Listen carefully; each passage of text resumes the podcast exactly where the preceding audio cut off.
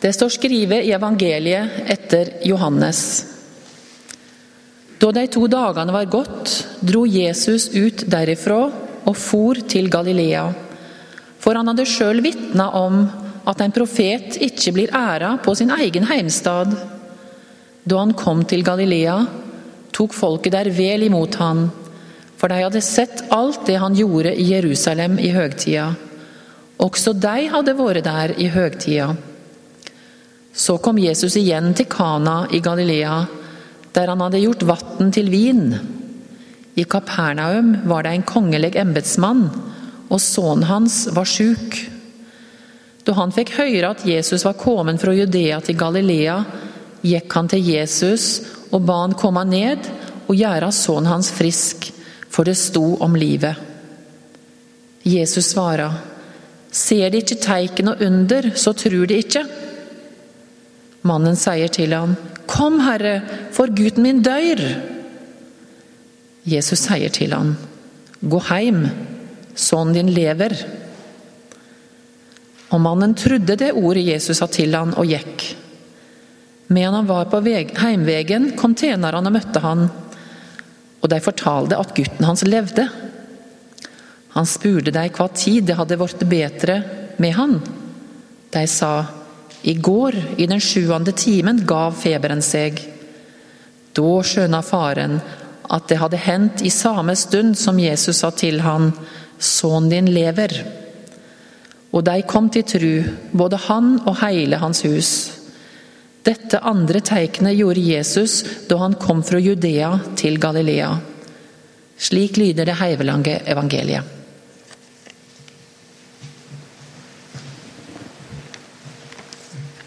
Så fortsetter i Johannes-evangeliet. Vi holdt på her i sommer og sett Jesus møte ulike folk på ulike måter. Det er mange måter å komme til tro på Gud på. Det er mange måter å møte Jesus. Og En av dem, som dere så nå i denne teksten, er gjennom sine egne unger.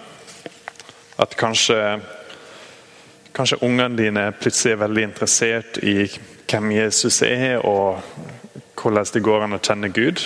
Og så blir det plutselig din vei til å begynne å tenke gjennom dette og komme til den trua sjøl. Kanskje det er de som drar deg med til kirka. Men i denne teksten, har den gjerne foran deg, så ser dere at det er litt annet. Her er det en sønn som er veldig syk. Og faren hører at Jesus er i området.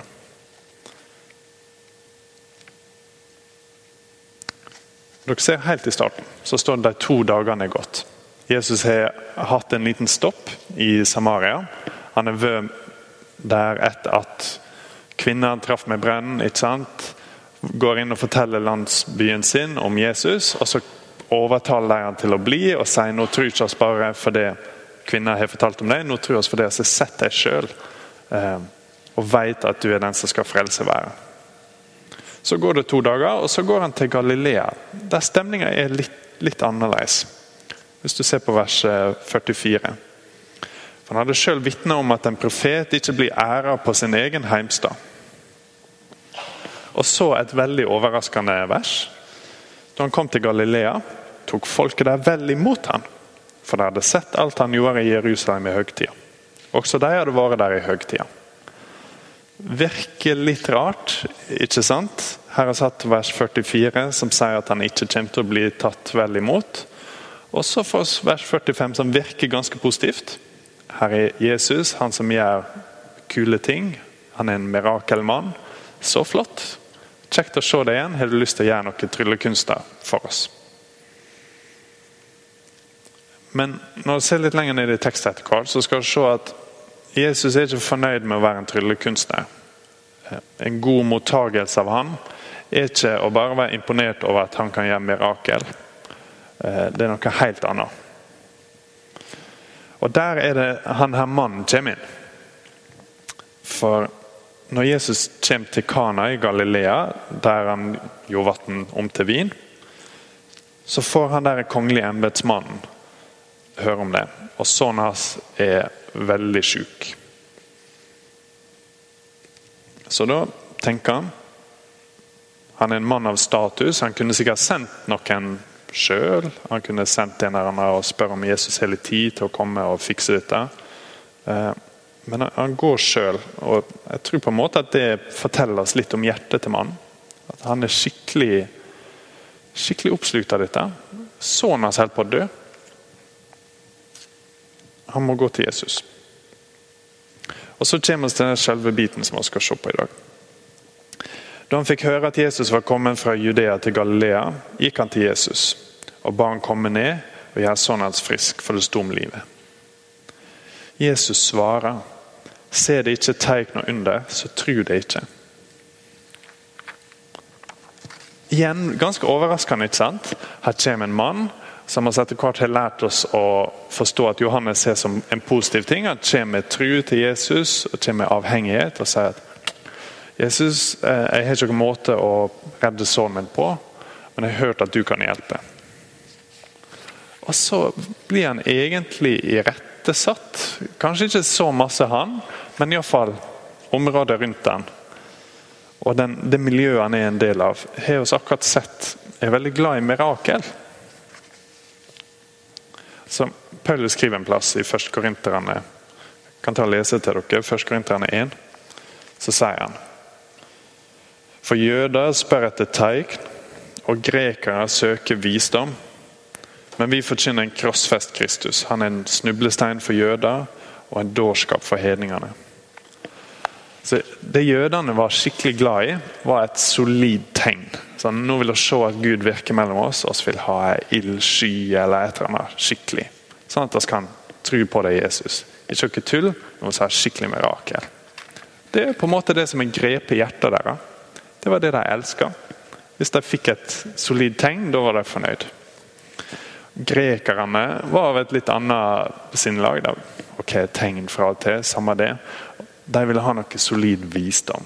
Sånn, ok, Jesus, Hvis du sier noe som er skikkelig intrikat og mystisk, da, da aner vi at det er noe bra på ferde. Og Da kan vi kanskje se litt mer på hvem det er du er, og hva det er du har å komme med. Så når Jesus ikke med en gang svarer en mann positivt, sier ok, jeg skal fikse sånn din, men har en liten sånn ok, Hvis dere ikke ser tegnene under, så tror ikke dere. Så er det fordi han er på jakt etter hjertet til mannen. Og hjertet eh, Når oss snakker om hjertet i vår kultur, så snakker vi ofte om kjærlighet. ikke sant? Og 'jeg elsker av hele mitt hjerte', osv. I bibelsammenheng så er hjertet litt, litt mer utvida. Det handler om hva du elsker, og sånn, men kanskje om hva som styrer deg, og hva du, hva du går etter og hva du lengter etter. Jeg hørte For et par uker siden så hørte jeg en god illustrasjon av en teolog som heter Tim Keller, om akkurat dette. Og Den var sånn. Det var en bonde, sannsynligvis fra Sykkylven, som dyrka ei gulrot som var kjempestor. Det var den største gulrota han hadde dyrka noen gang. Så tenkte han kongen, kongen må få denne gulrota. Så da drar han til, til, Oslo og gir gulrota til kongen. Sier konge, her er den største gulrota jeg har dyrka eller noensinne kommer til å dyrke. Vær så god. Jeg tenkte på deg når jeg så den. Og så sier kongen oi, tusen takk, jeg er glad i gulrøtter. Nå blir det gulrotpuré eller noe sånt. Og siden du tenkte på meg, siden du har et sånt godt hjerte, så skal du få nabogarden ved siden av deg også. Og så er det sikkert litt tilbake i tid, der kongen kunne gi gårder sånn. Ehm, men så står det en kar ved siden av han og hører dette. Sier han er fra Bærum eller noe sånt. Og jobber på Slottet. Og tenker oi, han får en hel gard for ei gulrot. Ok, jeg holder på med hester og kunne gjerne tenkt meg flere hester. Kanskje jeg får en hest. Så Da legger han en liten plan, og så kommer han neste dag til kongen og sier Å, konge, her er den flotteste hesten min. Jeg så på den i dag og tenkte den må, den må du få. Så ser kongen på han og ser på hjertet og sier tusen takk. Og ingenting mer. Og Da blir mannen snurt, ikke sant? Og så sier kongen til han Mannen som kom i går fra sykkelen med gulrota, han ville gi meg en gulrot. Du hadde bare lyst til å gi deg sjøl en hest. Sånn fungerer hjertet i Bibelen. At hjertet styrer hva vi lengter etter. Han mannen brydde seg om kongen og var glad i hester. Han ville gjerne ha en hest til. Sånn fungerer hjertet våre også. Og Her ligger på mange måter nøkkelen til å ha et godt liv og kunne tilbe Gud av et rent hjerte. Men også kunne endre de tingene som vi sitter fast i. Det Hvorfor klarer du aldri å bli kvitt det sinnet som du skulle ønske du ikke hadde? Eller hvorfor klarer ikke du å endre de vanene som plutselig dukker opp når du er trøtt og sliten? Det er fordi hjertet ditt lengter etter noe som du kanskje ikke burde lengte etter. Så tenk da, nå I disse tider så er det mange studenter som begynner på universitetet. Og så sier du en kar som er veldig glad i nytelse. Så kommer fadderveka, så drikker han litt mer alkohol enn han burde, og han skeier ut på mange måter. For det hjertet hans er solgt til, til nytelse. Så kan du gå og si til han, ærlig talt, nå må du skjerpe deg, du må tenke på framtida di osv. Men det som kanskje skjer etter hvert, er at han kommer mer inn i studiet, han begynner å komme mer i gang med ting.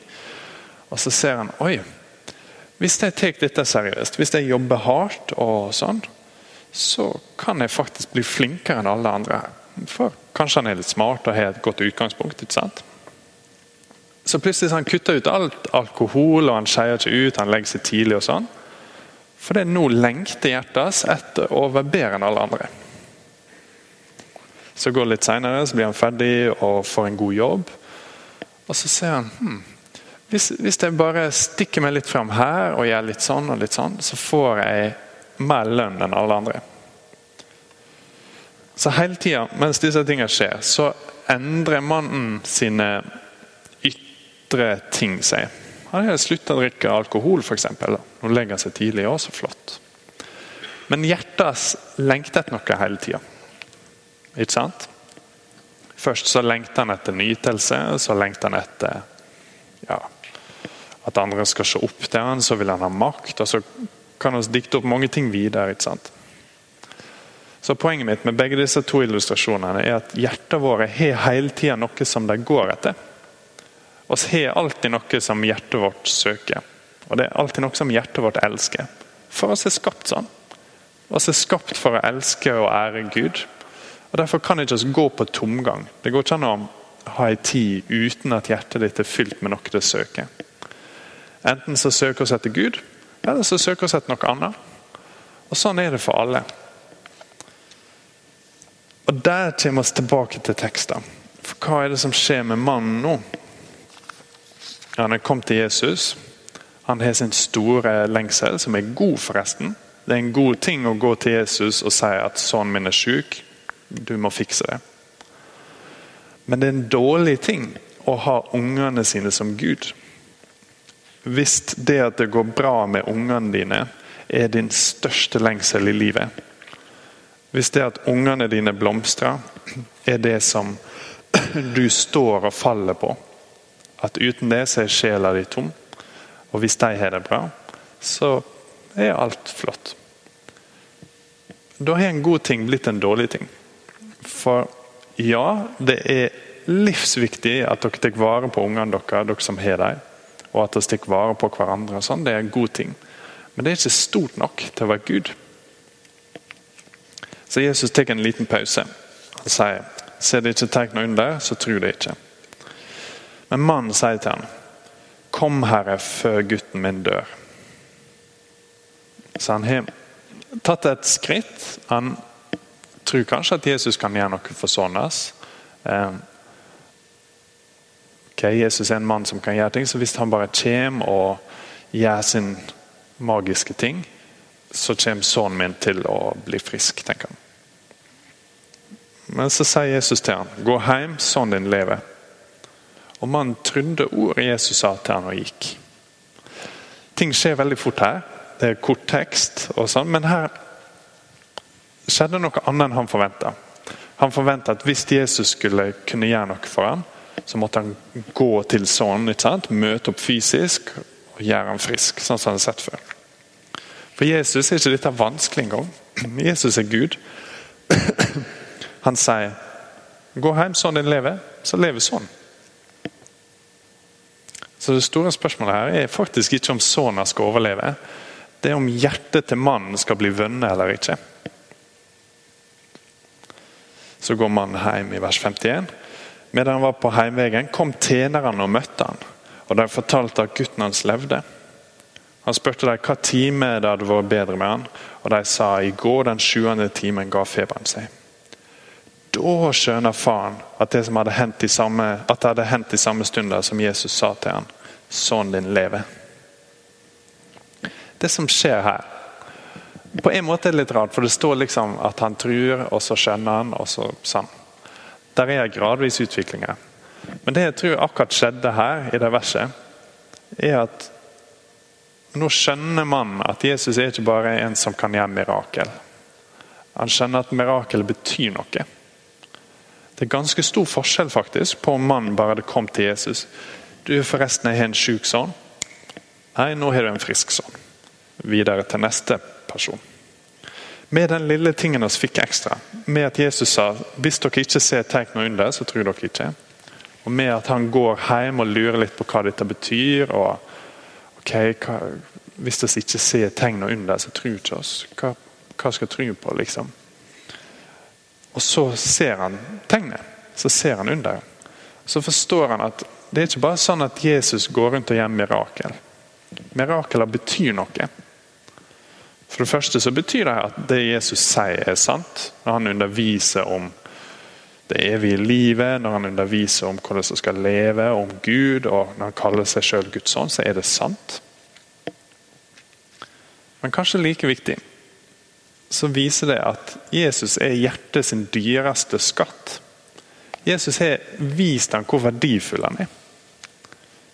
Jesus har vist at det å gjøre noe annet til Gud Det å gjøre noe annet enn Gud til det mest dyrebare som vi har, det som vi står og faller på, det som vi trenger for å fungere. Det er som at Hvis vi mister det, så er vi tomme og kan ikke leve. Hvis det er noe annet enn Gud, så er det en vond ting. Men når det er Jesus som får den plassen som oss var skapt at han skulle ha, så forandrer det alt. Da kan vi plutselig ta vare på ungene våre på en god måte. Da kan vi gå hjem og finne en frisk sønn og virkelig forstå hva det betyr. For å si det på en annen måte. Han Mannen kommer og spør om altfor lite. Han kommer og spør om en frisk sønn. Men om 80 år så er sønnen hans død. Og han sjøl er død for lenge siden. Det han sitter igjen med i slutten av denne teksten her Det står bare i en bisetning, men det står Og de kom til tru, både han og hele hans hus.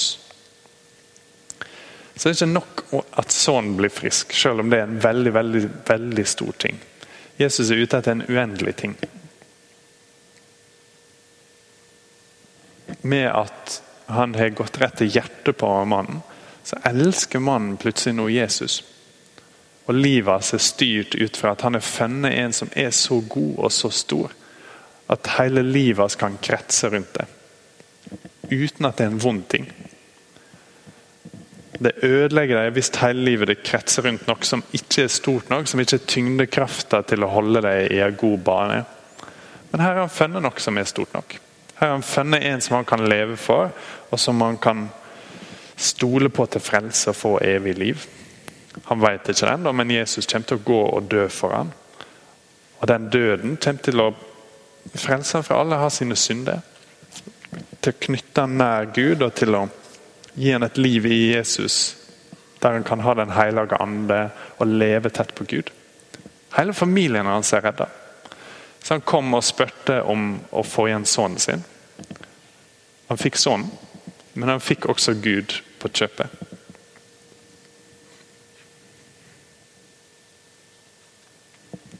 Egentlig en ganske enkel tekst.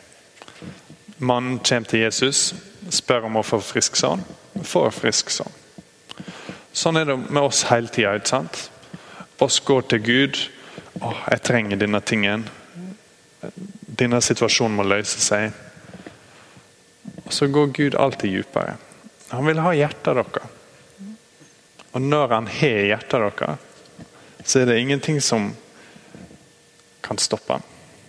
Det er ikke et løfte om at alle sykdommer plutselig forsvinner, eller at alle problem ordner seg. Men at det i det store løpet i evigheten kommer til å bli et godt svar. Vi kommer til å se på alt og ikke bare synes at det er ok, men være fornøyd. Og se ha sin visdom og se ha sin godhet sjøl i disse vonde tingene som vi ikke forstår nå. For han er vår største skatt. Og Det er kun han livet vårt kan kretse rundt. Så la oss be.